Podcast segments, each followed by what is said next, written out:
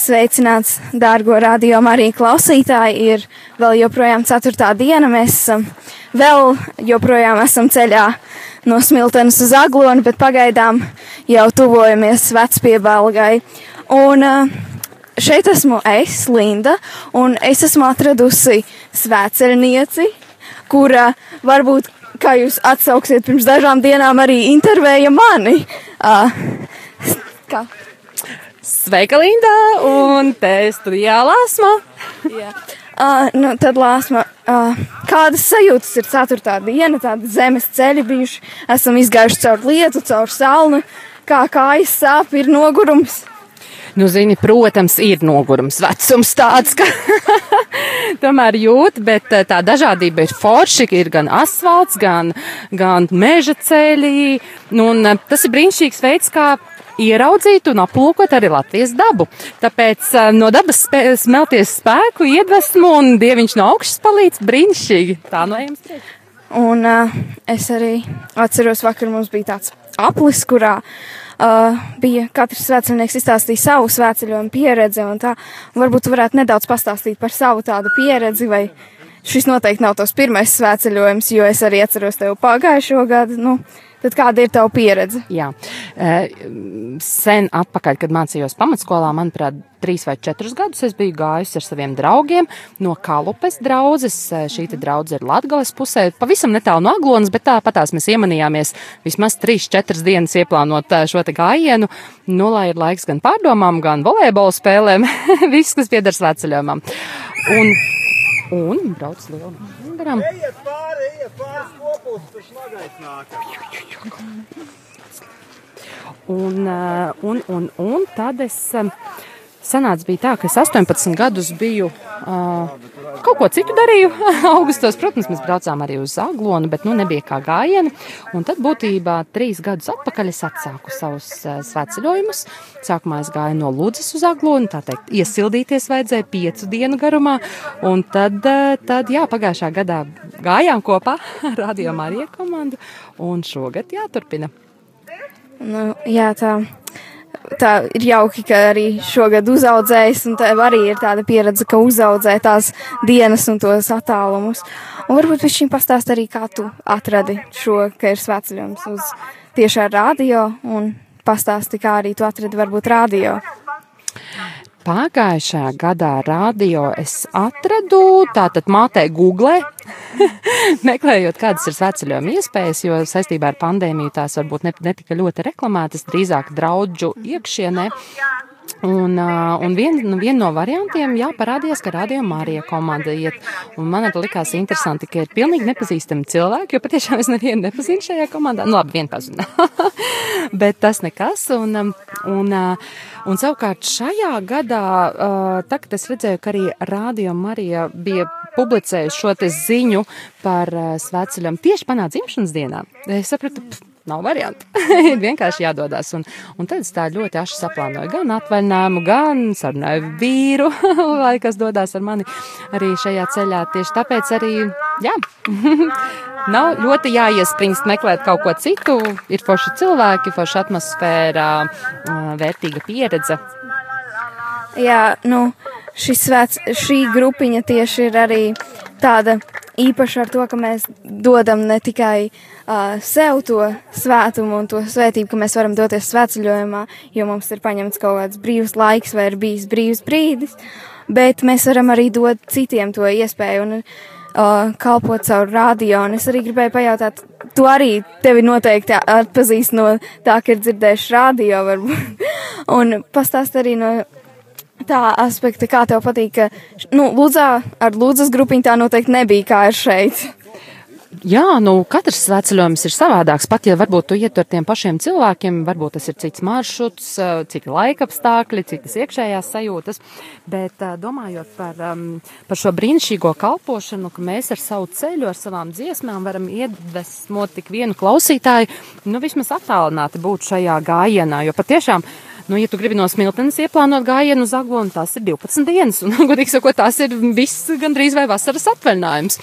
Un, un varbūt ne katrs to var dabūt. Un, Pagājušā gadā man sanācis bija tā, ka es uh, biju bez darbiem, līdz ar to es varēju ieplānot, cik vien garu gribēju atvaļinājumu, ja nu, gājienu uz saglonu.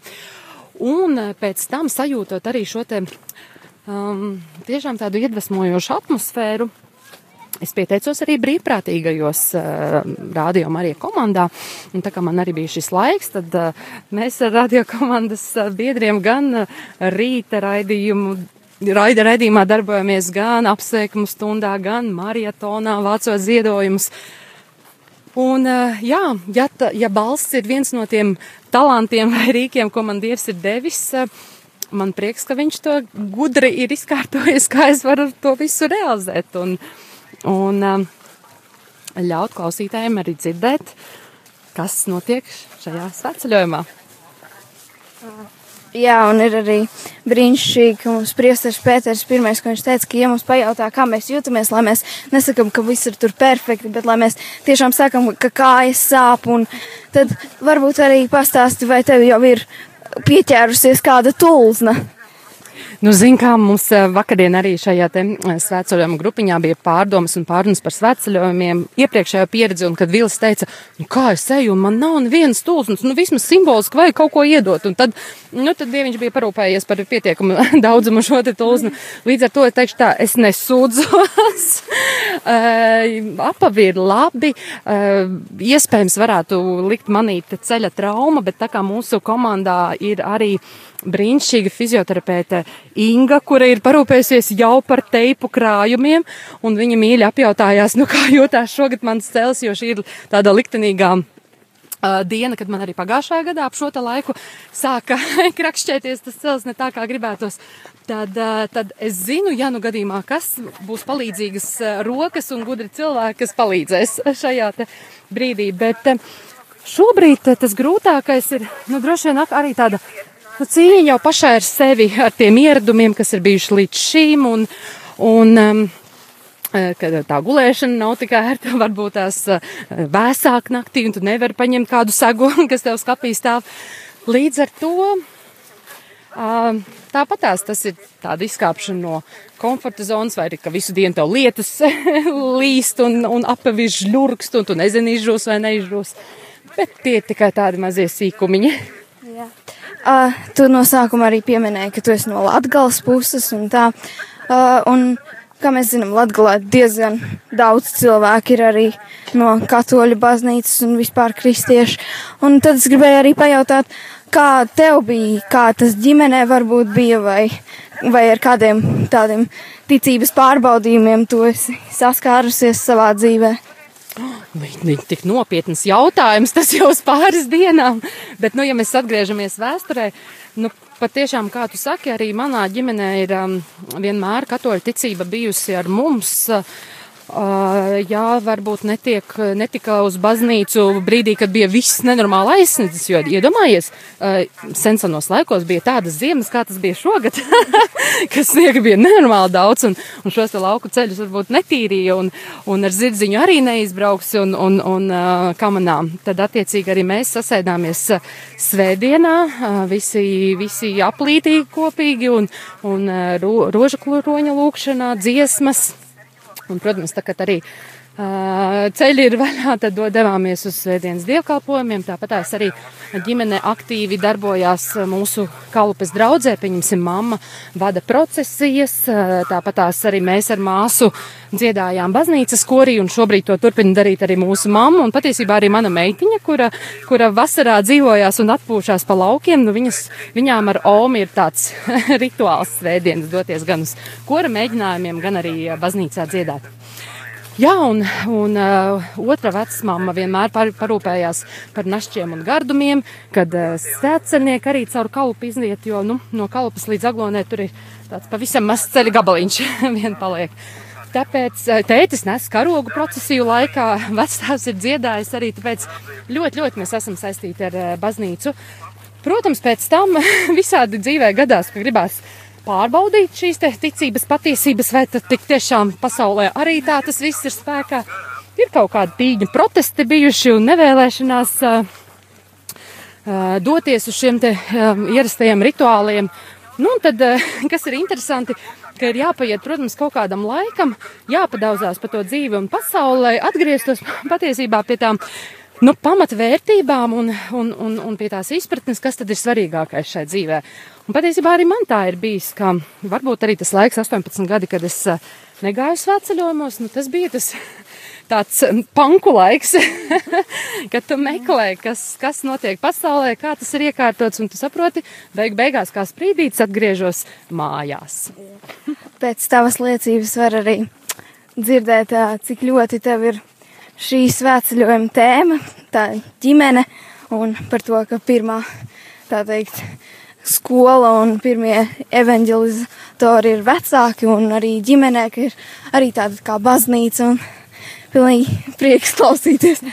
Uh, bet uh, es arī gribēju jautāt, kur uh, baznīca, es arī zinu, ka tu esi ļoti tuvu ar latgaliešu valodu, un ka klausītājiem tiešām ir jāklausās, jo būs, ieiesim latgalē, tā uzreiz būs kaut kas latgaliski arī.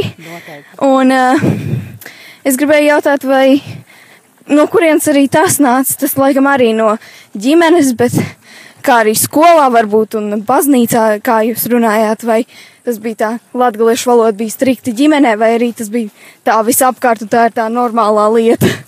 Nu, zini, kā ir ļoti interesanti. Mēs pēc tam arī esam to pārunājuši ģimenē, jo latgaliešu valodā es sarunājos ar savām omēm, ar savu tēti, ar krustāvu un ar brālēnu. Labi, protams, arī, teiksim, satiktie cilvēki, bet tā kā mana mamma ir latviešu valodas un literatūras skolotāja, un, un kas man arī skolā mācīja šos priekšmetus, nu tad, nu kā, nu es ar viņu sarunājos latviešu valodā, nu tā teikt, literārajā valodā. Un tā tas ir iegājies, pat ja viņa man atbild latgaliešu valodā, es, nu, tad, turpinu runāties latviešu valodā, bet jā, ir, ir šie cilvēki, ar kuriem es, nu, tu nevari savādāk sarunāties, un turpat nav vērts, nu, mēģināt kaut kā mār, mākslīgi pārslēgties. Tāpēc es esmu bezgalīgi priecīga, ka man ir bijusi šī pieredze uh, uzaugt ar, ar latgaliešu valodu. Un, nu, tikai šajā valodā viskaistāk skan dziesma, pīdot mūs dīmote pīdot. Uh, šim apgalvojumam es pilnīgi piekrītu. Šo var vairs nesaukt par apgalvojumu, bet par faktu. Un uh, tā uz intervijas beigām vēlētos arī pajautāt, ko tu novēlētu tiem uh, klausītājiem, kas ar mums svētceļo savās domās un savās lūkšanās, ko tu viņiem novēlētu? Droši vien uh, man ļoti patīk tēvreizē uh, šis te viens no punktiem vai, vai, vai teikuma daļām, uh, lai notiek tavs prāts kā debesīs, tā arī uh, virs zemes. Un um, paļauties. Lai kā mēs cilvēki būtu gribējuši vai gribētu būt gudrāki, pārāki, um, nu tāpatās ir, ir ir augstāki spēki, kuri visu brīnišķīgi iekārto pa plauktiņiem. Atliek tikai paļauties, un arī mūsu vienā no dziedāšanas dziesmām ir, cik skaisti ir paļauties. Lieki neiespringt, nestresot, nu, protams, tu nevari sēdēt rokas klēpī salicis. Tāpatās katram ir darbi, pienākumi, talanti, kas mums ir, jā, kas ir doti un kas ir jāizpauž tālāk. Bet paļauties, ka viss būs labi īstajā laikā, īstajā vietā. Paldies par šiem skaistajiem vārdiem. Paldies tev arī, Lāsma, par šo interviju. Un, uh, jā. Un, Dārgo rādījumu arī klausītājiem, mēs svētceļnieku grupu no Smiltenes uz Aglonu do, turpinam doties, un tu noteikti turpini mūs klausīties un ceļot kopā ar mums.